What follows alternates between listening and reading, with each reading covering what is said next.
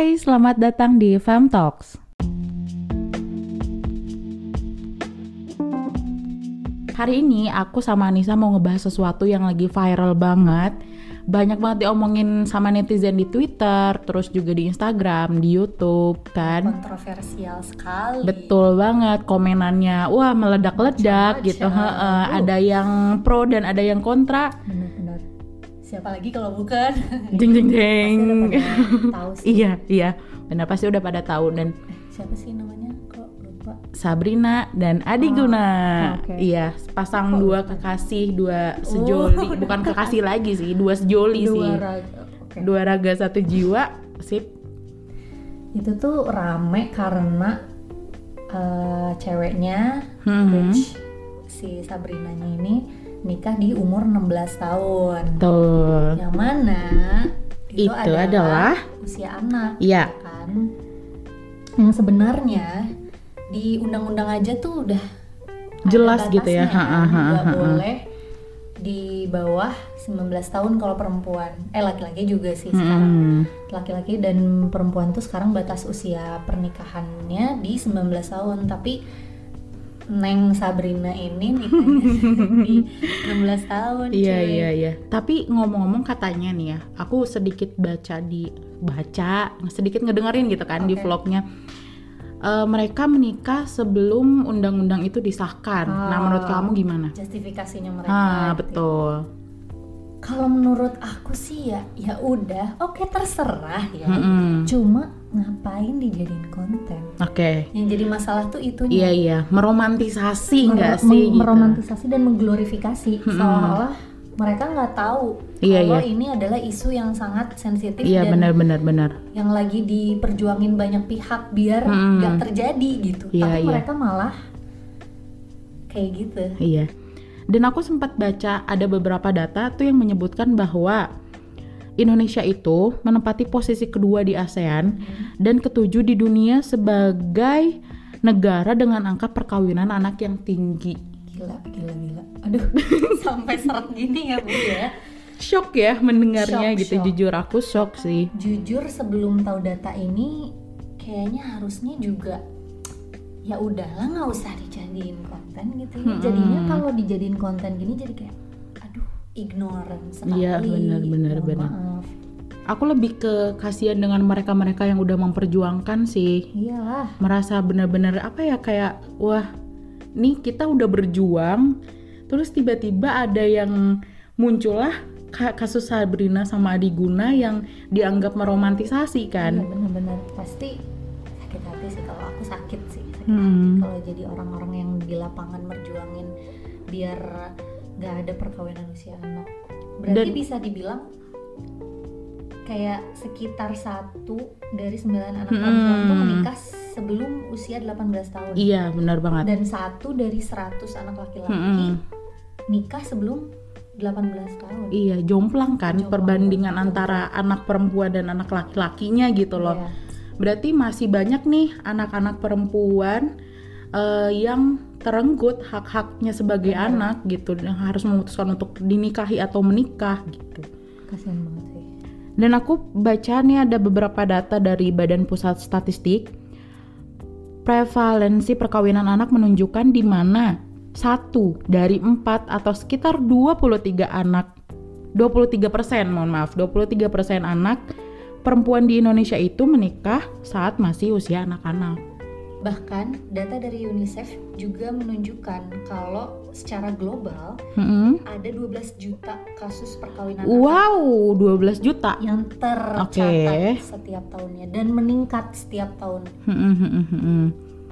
Pantesan kenapa pemerintah pengen mencoba untuk menurunkan eh, apa perkawinan anak gitu kan? Ada ada aku juga sempat eh, baca materi-materi Stranas PPA dari Bapenas tuh dia Mohon maaf kantor ibu. Jadi nggak sempet baca emang kerjaan ibu. Iya pokoknya eh, pemerintah itu sedang berupaya untuk menurunkan perkawinan anak dari 11,2 persen hingga 8,74 persen. 8,74 persen gitu. Gede sih ya. Iya lumayan sih. Dan pasti susah banget Iya, dan itu kita udah melakukan berbagai macam strategi gitu untuk pasti menurunkan itu gitu dan itu masuk ke dalam RP ah nggak akan dibahas itu mah takut salah. jangan jangan Iya, dah. rahasia dah. yet this two person two people sorry Ha, malah bikin konten. Iya. bahkan bio instagramnya apa tuh yang kemarin kita A lihat-lihat proud seven a proud 17 17 years old wife of Iya, iya, iya benar-benar. sampai disebutin umurnya wow dan dan dan yang paling fucked up adalah yang kemarin kamu kirim ke WhatsApp aku Iya, itu. sumpah itu aku mendidih sih. ini ini kalau ada konten, parah. ini kalau ada teman-teman yang tahu pasti langsung nge pokoknya ada satu gerakan eh satu apa ini ini apa komunitas apa, apa Komu- sih gerakan sih kayaknya. suatu gerakan kajian Tolong digaris bawahi. pokoknya bikin kajian yang eh yang ngisinya itu ya Neng Sabrina dan Hmm. Mas Adiguna ini apa sih bentar ya bentar ya kita lihat dulu nih bannernya nih takut takut salah ngomong Dan itu ramai banget sih aku baca-baca komenan-komenan netizen. Rame banget. Ada yang Gila. pro dan ada yang kontra juga. Iya. coba Tapi kita dulu kemarin-kemarin sempat diskus kan masalah ini. Terus iya iya pas kita meramal ya, kita meramal bahwa ini kalau udah masuk ke YouTube viral nanti jadi pembicara, Iya, iya, iya. terus bikin buku bikin buku udah udah ketebak lah gitu kan. gila jadi ada kajian 16 tahun berani nikah Wow. 100 kajian pranikah 100% siap nikah. Ini pasti ada teman-teman yang tahu sih. Pasti Iya. ada yang tahu. Gila ini gila banget. Fucked up banget. Ini aduh. Aduh sampai sakit perut. Tapi Saking- malam itu aku baca itu ya di Twitter. Bener-bener mendidih coy. mendidih Kayak- banget lah. Terus Ini tuh- ada salah satu komen netizen yang bilang gini, udah nggak usah uh, urusin rumah tangga orang, nanti kalau kamu salah, uh, nanti yang apa ya pokoknya ada hisap-hisap di akhiratnya gitu loh. Terus kayak, what? Terus ada yang bilang jangan ngejulidin yang udah ngikutin syariat agama. Wow. Iya iya, ya. Oke oke. Oke. Ya ya ya. kita nggak ikut campur ya. tuh kayak udah ini viral nih. Viral di Twitter terus mereka istilahnya klarifikasi Hmm. Se- Itu tuh sebelum ada orang-orang yang dihapus komenannya Nah, karena itu sih. Jadi ada beberapa aktivis atau ada beberapa orang yang terjun langsung di permasalahan Hmm. perkawinan usia anak ini tuh ngomen di Instagram Hmm. mereka mengkritik kalau nggak baik lah dengan membuat uh, romantisasi seperti ini Hmm. tapi malah dihapus sampai akhirnya dibalas sama mereka tapi Ha-ha. mereka masih menjustifikasi balik lagi kalau mereka nikah itu pas sebelum undang-undangnya diketok palu sebulan kemudiannya jadi Hmm. mereka kayak ya udah kita mah nggak melanggar aturan Hmm, ya hmm, bukan hmm. itu bambang masalahnya yang jadi masalah ya itu tadi dijadiin konten aduh gila, gila, Dan gila. apa ya? Kan dia sendiri kan kalau nggak salah yang bilang bahwa rata-rata viewers di YouTube-nya itu umur eh, berapa ya? Umur Kurang remaja lebih eh, ya. umur remaja sih sampai sampai 23 24 lah. Ini nih ya, aku sempat nanya juga ke teman-teman aku bahkan saudara dekat aku dia umurnya 24. Aku nanya ke dia, kira-kira menurut kamu kontennya kayak gimana? Wah, romantis banget sih. Cuy, itu dia umur 24 tahun bilang konten itu romantis. Kebayang dong yang umurnya masih 16 tahun, yang masih 17 tahun.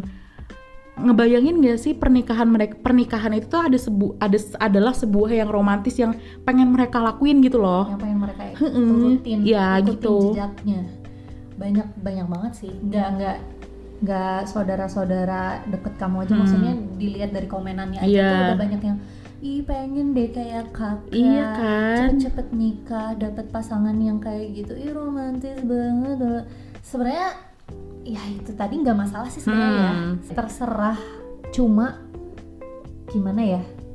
Ya karena dijadiin konten ya mereka jadi kelihatan aja gitu ignorannya.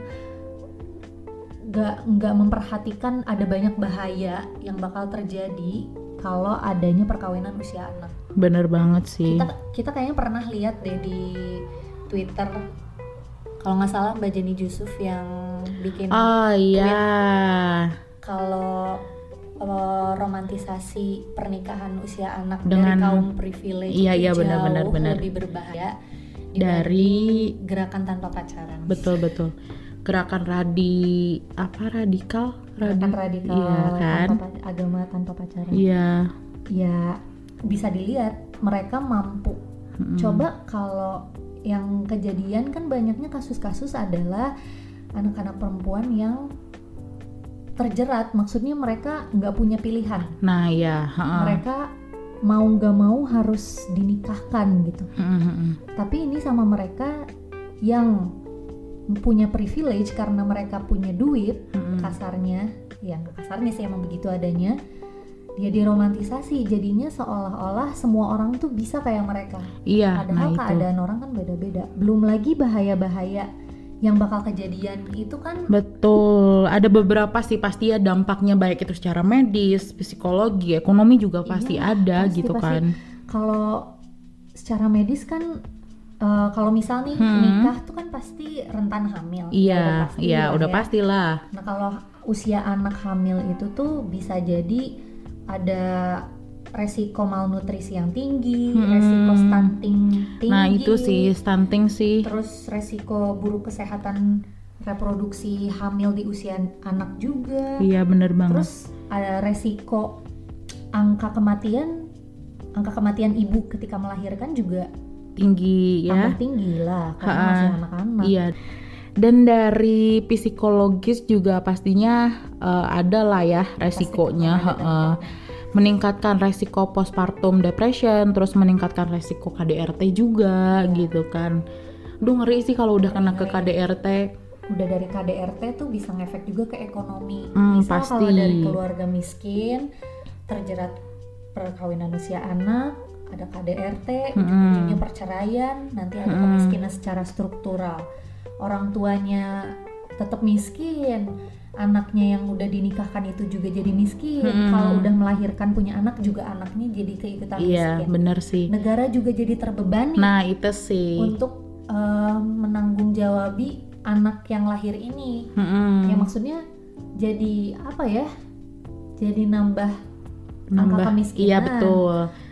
Udahlah pokoknya bebannya bukan cuman di mereka aja, bukan cuman di pasangan di orang tuanya, di anaknya, tapi bebannya ke negara juga Iya, gitu kan. juga. sih. Bisa jadi kalau anak itu kerja kan banyak kasus yang dikasih upah rendah. Upahnya heeh, karena kan ya namanya 16 tahun ya Iya, gitu kan. masih anak-anak. Aduh, banyak banget sih dampak-dampaknya kayak sebelum kayaknya sebelum kepikiran gitu research soal itu bisa pakai common sense aja nggak sih gitu sebelum Mm. sebelum mencari tahu data-data gitu pakai common sense aja anak kecil ya masih usia anak gitu Mm-mm. maksudnya nikah tuh pasti ada dampaknya aduh tapi Iya sih aku setuju dan gara-gara kasus ini ya aku selalu sekarang-sekarang tuh jadi bertanya-tanya gitu loh ke diri aku pribadi. Kenapa sih apa sih alasan orang-orang untuk menikah? Gitu sampai aku kemarin-kemarin sempat bikin polling juga di Oh, di Instagram. Instagram Heeh. ya, ya, ya. gimana gimana jawabannya Jadi kan waktu itu ceritanya nih ada yang nanya kan ke aku, kalau misalnya kamu menikah, eh, alasan kamu untuk memilih menikah tuh apa? Lah jujur aku nggak bisa jawab karena Belum punya, iya ya? belum punya alasan untuk menikah. Akhirnya aku polling kan nanya di Instagram.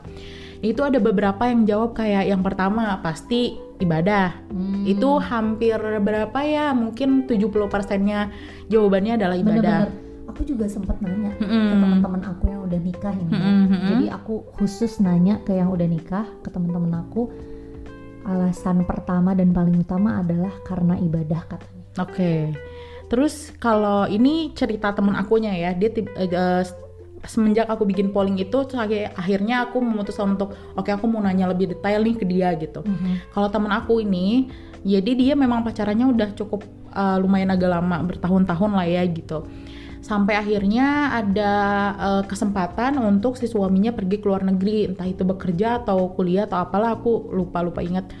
Nah, akhirnya mereka berdua memutuskan untuk menikah karena ya udah suaminya kan mau ke luar negeri juga gitu. Jadi Ah, memang udah ada pasangan, terus Biar- juga karena biar waktu. juga Mm, gitu nah ya. itu. oke oke emang ada juga sih teman-teman aku yang alasannya ya karena udah ada pasangannya. Ya ya iyalah Maimunah kalau nggak ada pasangannya Nggak. nikah sama apa? nikah sama siapa gitu kan Tapi ada yang menarik.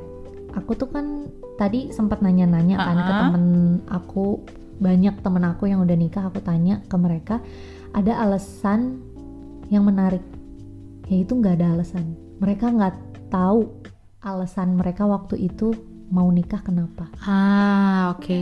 Menurut aku menarik banget sih. Kayak wow mereka nggak tahu alasannya kenapa. Dan aku juga nggak bisa ngejudge gimana gimana nggak bisa karena ya. ya udah. Cuma ya ud- ya gimana ya menarik. Mm. cukup speechless tapi kayak oke berarti bukan cuma di artikel bukan cuma di penelitian aja tapi ternyata orang-orang di sekitar aku juga banyak loh yang ternyata kalau ditanya alasan waktu itu kenapa memutuskan nikah nggak tahu Hmm. tapi ada juga banyak juga nggak ada doang banyak sih yang alasan mereka nikah tuh karena udah punya komitmen yang kuat dan bagus sama pasangannya Oke. komunikasinya juga bagus Itu lebih enak sih, Lebih lebih, enak terarah nggak sih? merekanya udah punya visi misi yang sama, cita-cita yang sama dan saling butuh. Jadinya mereka memutuskan untuk menjalani kehidupan ke depannya tuh bareng-bareng. Oke.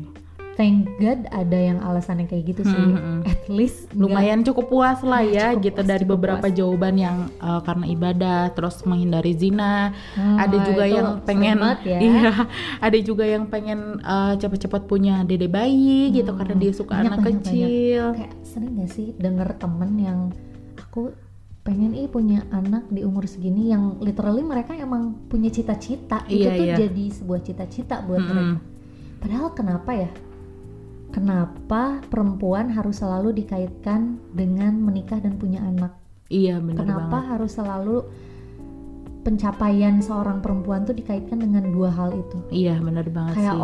orang nih cowok misalnya anak-anak cowok orang orang-orang yang uh, berkarir tapi mereka laki-laki terus mereka belum nikah nggak masalah karena kayak oh nyiapin buat Iya, nanti nikah oh iya iya laki-laki. Kalau perempuan tuh kayaknya lepas dari umur 20 kayak udah ditanya, Ditanya kapan nikah, kapan nikah, kapan nikah. gitu kan. meskipun karirnya bagus Hmm. misal punya karya-karya yang cakep Mm-mm. pendidikannya uh, terus ditambah misal udah S1 S2 S3 S2 ya, ah. tapi kalau mereka belum nikah selalu ditanya kayak itu tuh adalah sesuatu kekurangan gak Kayak sih iya, gitu kayak- dianggapnya gitu seperti itu. kayak uh, dibilanginnya tuh udah jangan tinggi-tinggi belajarnya. Nanti nggak ada suami yang mau kalau kamu belajar Jangan- tinggi tinggi kerja terus nanti nggak ada yang mau gara-gara takut soalnya kerjanya uh, gajinya gede lebih mapan tinggi, lebih gitu mapan. ya wow kayak society kita ini. Dan aku yang paling sebel adalah kalau perempuan udah nggak usah punya rumah sendiri biar nanti ikut ke laki-laki. Cuy. Udah nunggu aja nanti pasti Udah. suaminya yang nyediain. Ya mohon maaf gak gak semua manusia macam anaknya. Abu Rizal Abu Bakri Rizal gitu Bakri kan? bisa kita nikahin. Iya benar. Kita ya. Pun kalau nikah sama orang sekaya apa pun Mm-mm. kalau kita nggak bisa megang duit susah suatu gitu. saat bangkrut nah itu sih. Gimana? itu sih yang jadi perhatian aku. Makanya sekarang sekarang tuh kayak lebih mikir oke gue pengen aku pengen cari duit dulu gitu. Maksudnya Iya, harus pengen pengen apa ya memperkaya diri. diri aku pribadi eh, baik secara intelektual ekonominya udah mapan lah gitu istilahnya. Mampu untuk menghidupi aku lah gitu minimal. Kalau suami aku meninggal aku nggak takut gitu Iya, kan. harus berdikari kalau udah misal memutuskan untuk akhirnya nikah Mm-mm. kalau kalaupun ditinggal suami entah karena alasan apa pun Iya. kita harus bisa bangkit lagi. Nah itu sih. Secara finansial terutama gitu. Apalagi kalau udah punya anak ya. Kalau misalnya tiba-tiba kita ditinggal suami terus kitanya nggak punya kekayaan atau harta pribadi atau apalah gitu ya. Iya gimana? Kasihan kan anaknya. Bukan Berdiri lagi. Heeh, bukan cuman kitanya aja tapi anaknya juga sih yang jadi ikut Korban prihatin pasti. aduh ini pembahasan masalah menikah tuh nggak akan pernah ada selesainya sih menurut gue Iya, ya pasti. kembali lagi nih ke masalah perkawinan anak ya Mhm. aku jadi sempat juga bertanya-tanya nih pertanyaan kedua ya yang aku masih apa ya ambigu lah gitu masih belum menemukan jawaban yang sesuai. Uh, kok bisa gitu ya? Usia perkawinan anak tuh dinaikin, Mhm. tapi kasus perkawinan anak tuh masih marak gitu. Oh iya benar. Jadi si Iya. batas usia pernikahan tuh udah ditentuin, udah Ha-ha. udah udah berubah. Ya, tapi masih banyak gitu orang Masih yang banyak kasusnya ya. Heeh. Dan setelah aku baca nih, aku dapat ini dari artikel di internet gitu ya. Nah, ini ada dari eh, KPI Mbak Lia Anggiasi. Dia mengatakan bahwa hal itu tuh terjadi karena masih ada dispensasi dari Kementerian Agama. Ah, benar-benar benar. Gitu. Kayaknya oh, aku juga pernah eh, baca deh. Heeh. Jadi ada penelitian terhadap dispensasi pengadilan Oke. agama ini tuh ternyata permohonan perkawinan usia anak ini Hmm. banyak dikabulkan tuh ada tiga alasan. Untuk untuk Eh, jadi untuk di- sebuah dispensasi itu Iya, gitu. ada tiga alasan. Oke, apa tuh? Eh, yang paling tinggi itu Mhm. karena dirasa sudah balik, ah, jadi diizinkan untuk menikah. oke. Yang kedua itu karena biar nggak mendekati zina. Dan yang Oke, terakhir baik. sudah terlanjur hamil.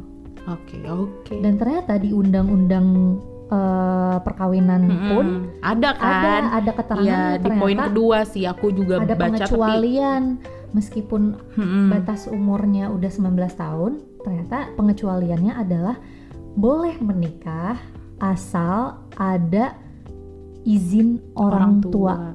dan KUA. Oke. Juga selama ada dispensasi pengadilan agama tadi. Jadi ya jelas dong. Hmm, Meskipun masih ada, ya. regulasi tapi perkawinan usia anak makin tinggi tiap tahunnya. Oke. Ini Jadi lumayan lagi, susah cuy. ya. Iyalah banget, ini juga yang kecatat doang di negara. Banyak kali yang nikah siri dan nggak Parah sih itu nikah kan. siri karena mungkin belum punya KTP nggak sih? Iya juga. Jadi dia mencoba untuk eh, nikah siri Iya, gitu. Yang penting Tapi menurut gue tuh jatuhnya jadi kayak maksa banget gitu. Iya, aku juga ada pertanyaan yang muncul di otak. Kenapa? Eh gini, faktor apa sih yang nyebabin perkawinan usia anak masih tinggi selain yang tadi ada dispensasi, Oke. ada pengecualian di undang-undang itu? Oke. Pasti banyak banget kan faktor-faktor yang bikin perkawinan usia anak masih tinggi. Oh, tentu. ada research nih dari Rumah Kitab. Jadi Rumah Kitab ini tuh NGO yang bergerak khusus di perkawinan, Perkawinan usia anak. anak. Heeh. Mereka research bareng sama Koalisi 18 Plus di tahun 2017 ada tiga orang korban perkawinan usia anak. Hmm. Alasannya itu karena kemiskinan dan dorongan orang tua. Oke, baik. Ada yang karena orang tuanya ini berhutang ke calon suami atau calon mertua anaknya. Aku jadi ingat kayak eh, di zaman-zaman mama aku gitu aja zaman Iya, iya. dulu ada juragan terus anaknya nih anak-anak yang minjem ke juragan itu Iya. nggak mampu bayar utang ya udah lo dinikahin sama Tapi juragan bener-beneran masih ada kayak gitu. sumpah serial TV udah Sinetron banget. Mm-mm. Tapi ada ternyata realitanya kayak gitu. Dan karena ada anggapan beban orang tua jadi berkurang gak sih? Mm-mm. Kan ini orang tuanya ngutang. Ya udah dinikahin aja biar utangnya dianggap habis. oh baik pun tanggung jawab orang tuanya berkurang karena si anak udah jadi tanggung jawab suaminya itu yang lebih banyak duit dibanding orang tua. oke Ada anggapan kayak gitu. fiksi sinetron sih Sinetron banget ya. Aduh, gila gila gila. Udah gitu kan berarti nyambung juga sama kebiasaan di kita, budaya di kita, iya budaya masyarakat Indonesia yang masih nganggep kalau pernikahan usia anak atau nikahin anak itu adalah sebuah kebanggaan. Iya, benar-benar. Kayak, kayak itu juga sempat dikutip sih sama komisioner Ah, KPAI benar-benar. ya Bapak Jasra Putra gitu dia bilang bahwa ada budaya di beberapa daerah yang Mhm. eh, masih menganggap menikah kan usia anak itu merupakan sesuatu kebanggaan coy Hmm, berarti itu yang aku baca kali ya iya iya Gila benar sih. dan eh, narasi pemahaman terhadap pernikahan tuh dipengaruhi banyak faktor agama gitu Iya. kan budaya terus juga salah satunya menghindari zina Iya. terus juga ada pemahaman bahwa nabi kita Nabi Muhammad itu tuh menikahi Aisyah di umur usia dini gitu Iya, padahal tuh masih banyak perbedaan pendapat nggak sih? nah itu sih exact years di mana Aisyah dinikahkan sama Rasul tuh di umur berapa masih Mm-mm. banyak pendapat ada yang bilang umur 9, ada yang Iya. bilang berapa berapa macam-macam. tapi kemampuan eh, Aisyah secara intelektual juga kan jadi pertimbangan Iya. ya, bukan semata-mata udah menstruasi. nah gitu Jadi balik lagi ke yang dispensasi pengadilan agama itu, kok Iya. jadi ini ya, jadi jadi kepikiran alasan pertama yang Bali gitu tuh oke ukurannya apa ya? Maksudnya kayak ngambil uh, uh, uh, uh, ngambil uh. mazhab yang mana juga, ngambil pemahaman yang mana juga, Uh, karena uh. kan macam-macam. Ada yang apakah sudah di umur tertentu Mm-mm. atau sudah menstruasi atau mimpi basah atau proporsional misal. Eh, nah itu masih masih ambigu nggak sih Nah makanya tapi dikasih dispensasi cuy gara-gara balik doang tuh udah dikasih dispensasi nikah. nggak ngerti sih gue ngerti ngerti. bener-bener apa ya kalau kalau ngomongin masalah agama kayak balik kayak gitu-gitu tuh nggak bisa menilai dari satu mazhab Bener nggak sih dan nggak harus ngelihat heeh, harus ngelihat beberapa faktor pendukung kan gitu untuk mengkaji itu Betul. Berarti eh, pengadilan agama yang ngasih dispensasi itu termasuk subjektif juga dong ya. Kurang objek kurang objektif lah dalam memberikan dispensasi karena kan Heeh. hmm, ya itu tadi pakai pemahaman siapa, pakai pemahaman yang mana Mm-mm. untuk menilai mengukur tingkat kebaligan seseorang.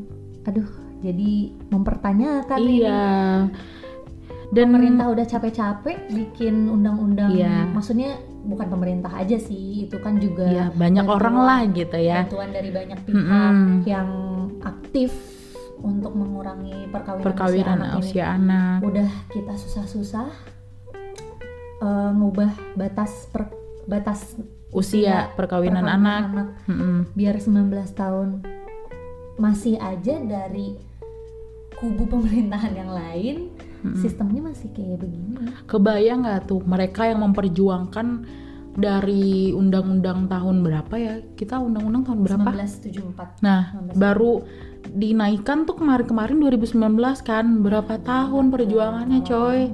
Gitu. Dan berapa tahun juga tuh orang-orang tidak aware gitu terhadap Iya, perkawinan dan anak masih gitu. banyak pula yang nikah di usia anak Dan ada faktor lanjutan nih selain uh, budaya sama ekonomi, faktor kehamilan di luar nikah nggak sih? iya kan itu tadi juga yang jadi alasan dikasih dispen tuh karena udah terlanjur nih Ah, udah terlanjur oke. hamil Oke. jadinya Ya dia kebobolan lah ya gitu kan akhirnya Kebobolan, dinikahkan. dinikahkan karena kalau di masyarakat kita kan masih kental banget tuh stigma Hmm, buat duh. orang-orang yang hamil di luar nikah, Mm-mm. keluarganya malu dan lain Iya. sebagainya. Pun kalau ada korban perkosaan, kan di masyarakat kita daripada fokus untuk pemulihan korban, Mm, lebih fokus ini gimana nih anak harus cepet-cepet dinikahin. Oke. Yang parahnya lagi, bahkan banyak korban perkosaan yang malah dinikahkan dengan pelaku perkosaannya. Pemerkosa itu kan. Kayak kalau kalau ada kasus kalau misalkan kasus hamil di luar nikah tuh kayak tembok punya telinga gitu kan. Tetangga sebelah tiba-tiba tahu gitu Wah, kan. langsung kesebar ke seluruh Iya, apalagi kalau di pedesaan lah ya gitu Benar, kan. Yang masih menganggap bahwa eh, kehamilan di luar nikah adalah sesuatu yang sangat sangat sangat sangat sangat memalukan. Jadi harus segera ditutupi Mm-mm. salah satunya dengan cara menikahkan. Betul. mau jadi korban perkosaan kayak mau jadi apa? Mm-mm. yang penting nggak malu jadi orang tua. Gitu kali ya. Ada Dan eh, jadi kayak mikirnya sih kalau aku pribadi ya kayak kayaknya nih aku kalau misalnya nanti menikah gitu memutuskan untuk menikah aku punya beberapa list yang mesti wah jelas dong. di checklist gitu Nah. ya kayak, kayak, eh, checklist boxnya gitu. Ya yang harus eh, terchecklist Ha-ha. kalau mau bener-bener yakin oke aku nikah deh. Iya. Dan kadang tuh aku mikirnya kayak apaan sih? gitu. Kayak ribet banget lo mau nikah juga cuman mau nikah gitu. Tapi menurut aku tuh Oh, kayak no, no, no, bukan no, no. cuman gitu kan. Cuma gue ya aku bakal menjalankan sisa hidup aku dengan suami gitu kan. Sama satu orang yang tiap hari lihat mukanya nah itu sih tiap hari ngerasain kelakuan kelakuannya Mm-mm. jadi susah senang bareng dong. gitu belum kan lagi kalau emang mau punya anak iya wah tanggung jawabnya kan gila gede banget Ha-ha. ada beban menghidupi yang bernyawa gitu Iya. kan punya peliharaan Bener aja banget harus sih. bener-bener diurus apalagi diurus apalagi anak Anak, gitu kan aduh. baik akhlaknya terus juga eh, intelektualnya semuanya lah pokoknya dari atas sampai kaki sampai bawah gitu Bener kan harus banget. kita urus kira-kira apa ya kalau misalkan kira-kira kamu apa ya kalau aku sih eh aku mikirnya kayak gini ya kalau misalnya nanti aku menemukan pasangan yang sesuai dan akan iya akan Siapa sih? akan akan oh berarti gebetan ke jalur nikah nggak- gitu nggak- ya. nggak sesuai. oh belum Oh, tentu belum. gitu kan nggak tahu ya maaf jadi tahu nih belum masuk Aduh, iya. Nih aku selalu mikir kayak eh, dia bisa nggak ya selain jadi pasangan aku tapi jadi best friend aku juga Iya, gitu. bener, Apa bener, sih? Gue tuh aku tuh selalu suka sama pasangan yang bukan cuman sekedar pasangan tapi bener-bener apa ya? Ngerti Udah kayak sih kayak sahabat. "Heeh, sahabat gitu Udah loh. uh Seklop pisan itu satu visi misi gitu kan. ah, iya udah dong udah kayak nggak udah sahabat apa ya enak bercandanya nggak ribet gitu. enak kalau berantem juga masih sehat gitu loh Mm, nggak mm, nggak mm, yang mm, mm. ke kanak-kanakan main lempar barang apa Nah, segala itu macam serius. diem diem ya secara sehat itu dikomunikasiin dengan baik kepala dingin Benar benar yang benar. itu tadi benar. satu visi misi gila sih emang itu kayaknya eh, alasan yang harus yang wajib banget Mm-mm. keisi gitu checklist boxnya satu visi misi soalnya kalau nggak satu visi misi susah nggak sih maksudnya Iya iya. kalau nggak sejalan nggak searah Nggak gitu satu frekuensi ya. Gue selalu bilangnya sih satu frekuensi gitu karena. kalau nggak Eh, satu gemes. arah ke depannya gimana mau ngejalanin hidup bareng Ha-ha. gimana mau nanti misal mau punya anak gimana cara ngedidiknya bareng Mm-mm. membimbingnya bareng pasti bakal beda dong. Terus kalau misalkan lifestyle-nya beda gimana? Mm-mm. ya meskipun kita misal punya pasangan cinta banget sama pasangan kita tuh ya sayang banget sama pasangan kita. Tapi lifestyle-nya beda. Lifestyle tuh ya yang paling gampang lah yang paling gampang. Misal eh, pasangan kita partner kita itu tuh suka bangun agak telat Mm-mm. terus agak jorok misal orangnya Oke. jorok tuh dalam dalam artian misalkan naruh barang di mana Di aja mana aja gitu nah kamu kan. bisa toleransi gak sama hal Nah, itu itu sih, ya karena sih? Jujur ya, nih kalau misalkan jangankan sama pasangan ya, kita misalkan sama aku sama kamu misalkan ya. Kalau aku tuh mi, eh, misalkan akunya tipikal orang yang rapi banget gitu. Kalau nyimpen barang harus pas pada tempatnya, Mhm. terus tiba-tiba kamu nyimpen barang di yang lain tuh akan sangat emosi. Nah, di situlah bisa nggak gitu kan Iya. aku mentoleransi itu Bener, gitu bener, kan. bener. Nggak? atau kamu willing gak kalau uh, mau ganti lifestyle Mm-mm. meskipun nggak ada sih susah sih untuk ganti lifestyle bahkan perihal oh aku pernah denger nih ada apa tuh? uh, temen dosen aku jadi dosen Mm-mm. aku cerita ada temennya yang cerai Oke. Gara-gara lifestyle-nya berbeda tapi ini termasuk yang receh banget apa coba Ah, apa? suaminya ini kalau mau sikat gigi ngeluarin odolnya tuh dari atas sedangkan istrinya Oh, sukanya dari bawah man. Oke. gara-gara itu maksudnya Oke. bisa dibilang sepele tapi ternyata mereka setelah menikah Iya, iya, iya. hal itu tuh nggak bisa ditolerir satu Mm-mm. sama lain ya mungkin sebenarnya alasan mereka cerai nggak cuma itu aja Iya, cuma iya, maksudnya iya. ada salah satu alasannya karena itu Mm-mm. I mean wow come on berarti itu nggak sesepele itu Iya, juga iya. Kayak kloset tuh kalau udah dipakai ditutup, tapi Iya, ini malah iya, iya. dibuka gitu Wah, kan. itu juga annoying sih ya kalau misalkan nggak bisa tolerir Iya, bener. Berarti berarti berarti kalau misalkan eh, cuma gara-gara nggak mau kesepian nggak mau sendiri nggak mau Oke, dikatakan biar ke mana-mana ada temen gitu ya. Nggak mau dikatain dinyinyirin orang nggak ada pasangan mulu Mm-mm. tapi di- memutuskan menikah kayaknya jangan dulu deh ya? Iya, karena aku pun sendiri ke mana-mana baik-baik aja ya. baik-baik aja. Ada. Jujur, jujur malah lebih senang ke mana-mana sendiri. Maksudnya, eh ya memang sih kadang aku pengen ada beberapa waktu ada temennya gitu untuk Aha. jalan. Tapi tuh kadang juga ngerasa bahwa wah ribet banget nih kalau misalkan ada aku harus ngajakin dulu orang gitu kalau aku mau jalan. Kadang Belum aku tentu mikir kayak gitu, mau. heeh, kayak Belum gitu-gitu. tentu orangnya tepat waktu ya kayak kayak siapa gitu temen Iya nggak tahu ya teman aku yang siapa yang suka telat. Aduh.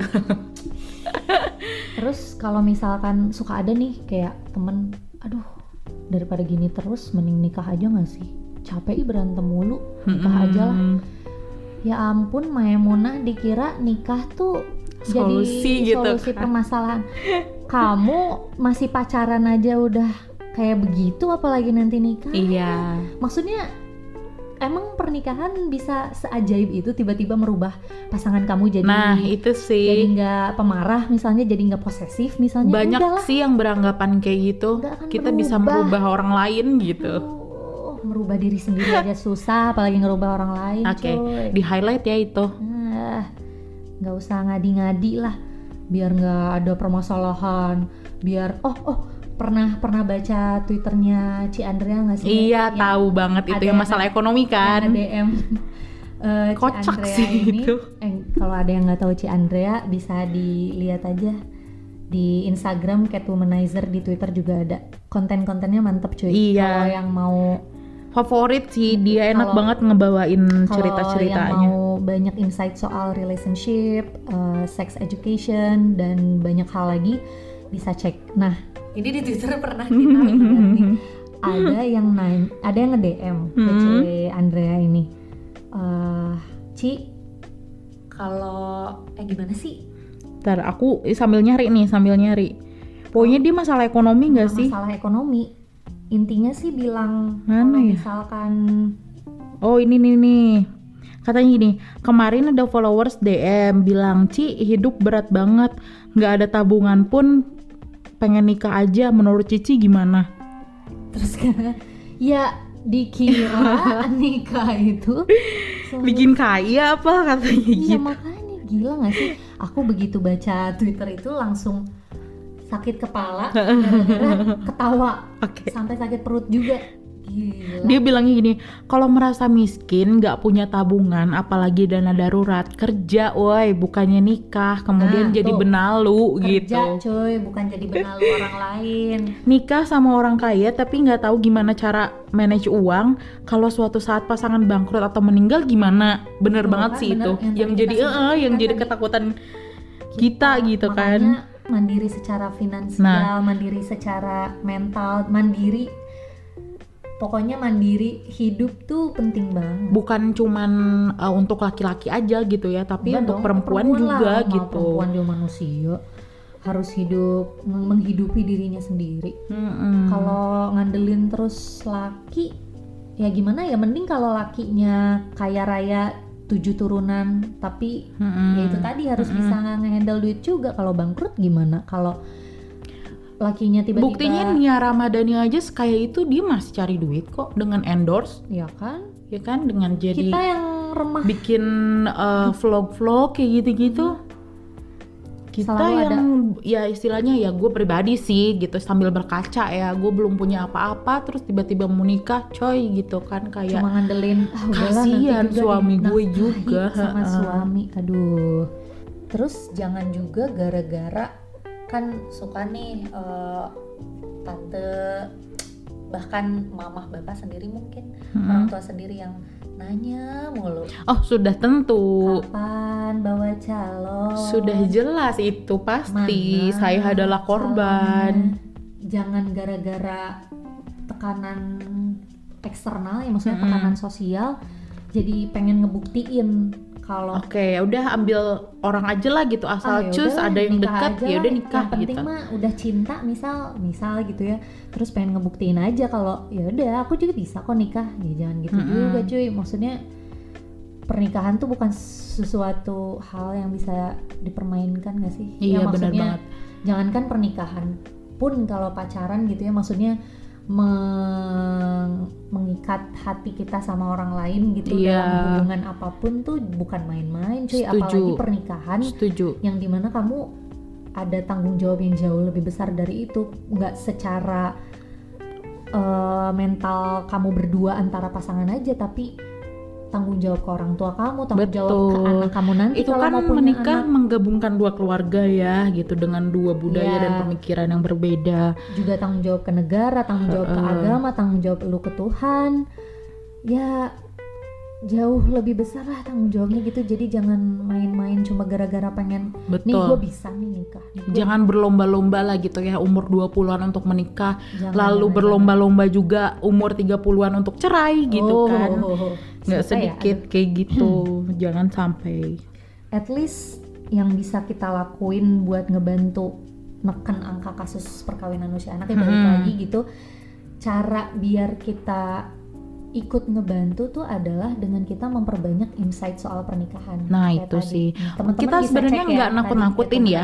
Nggak nakut-nakutin untuk eh, dan tidak melarang kalian untuk menikah. Enggak dong Cuman kita ngasih insight ke teman-teman semua supaya lebih aware terhadap pernikahan. Jangan sembarangan untuk memilih pasangan, Benar. jangan sembarangan untuk uh, ujuk-ujuk nikah lah gitu ya kalau kata Sundanya mah. Iya, jangan tiba-tiba ah nikah ah sekarang ah nikah ah bulan depan. Hmm. cuma gara-gara udah ngerasa klop sama pasangan karena ternyata alasan itu juga kayaknya nggak belum cukup deh gitu Mm-mm. kayak tadi beberapa checklist box yang Oke. udah aku sama Ain Iya, iya, iya. utarain aja itu cuma beberapa mungkin masih banyak Yang hal-hal lain yang dan harus itu juga kembali ke teman-teman sendiri sih yang menganggap bahwa oh iya kalau aku sih pengennya kayak gini-gini teman-teman bisa nambahin ya Mhm. kalau dari aku sih kayaknya terakhir nih ya pesan untuk teman-teman eh, apa terhadap menikah kayak tenang aja gak usah buru-buru gitu kan gak usah malu kalau misalnya belum punya pasangan walaupun umurnya udah berapa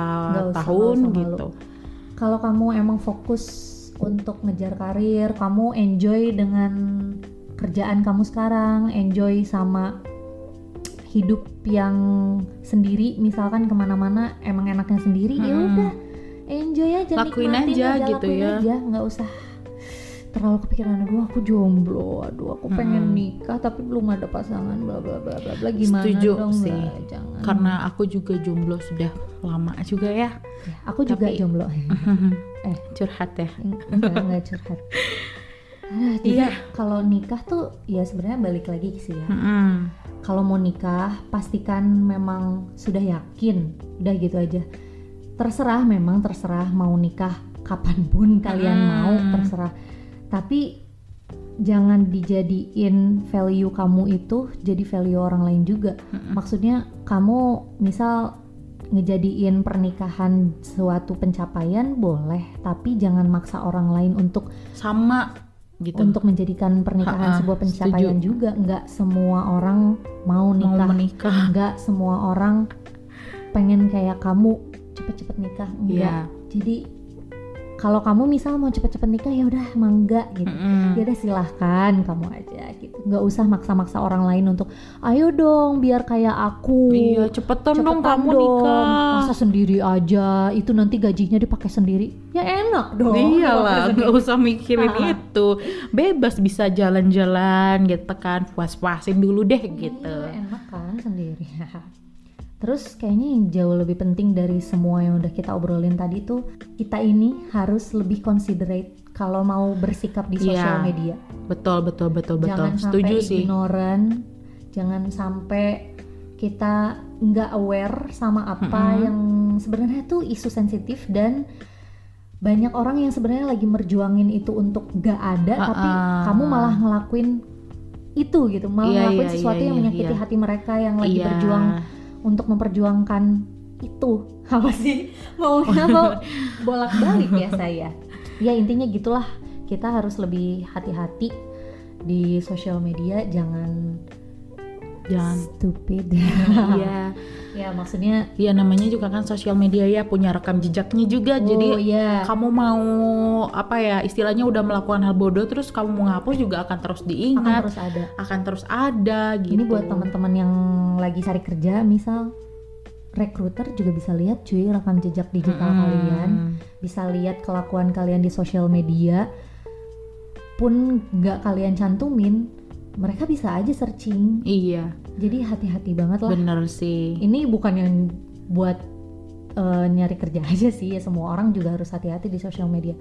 Komen pun harus hati-hati. Maksudnya ya komen yang suka julid-julid nih di komen Instagramnya siapa kayak artis kayak yang Mm-mm. julid-julid gitu kan suka ada kan yang Suka gatal gitu kan tuh, tangannya pengen tuh, cuy. julitin. itu tuh kecatet cuy di jejak digital wah semua bisa ketahuan pokoknya mau ngapa-ngapain di sosial media gitu. iya lebih bijak menggunakan sosial media lah ya. Tuh, harus lebih bijak Oke. Thank you buat semua yang udah dengerin sampai akhir bacotan kita. Sampai ketemu di episode selanjutnya. Selanjutnya, Bye. ya.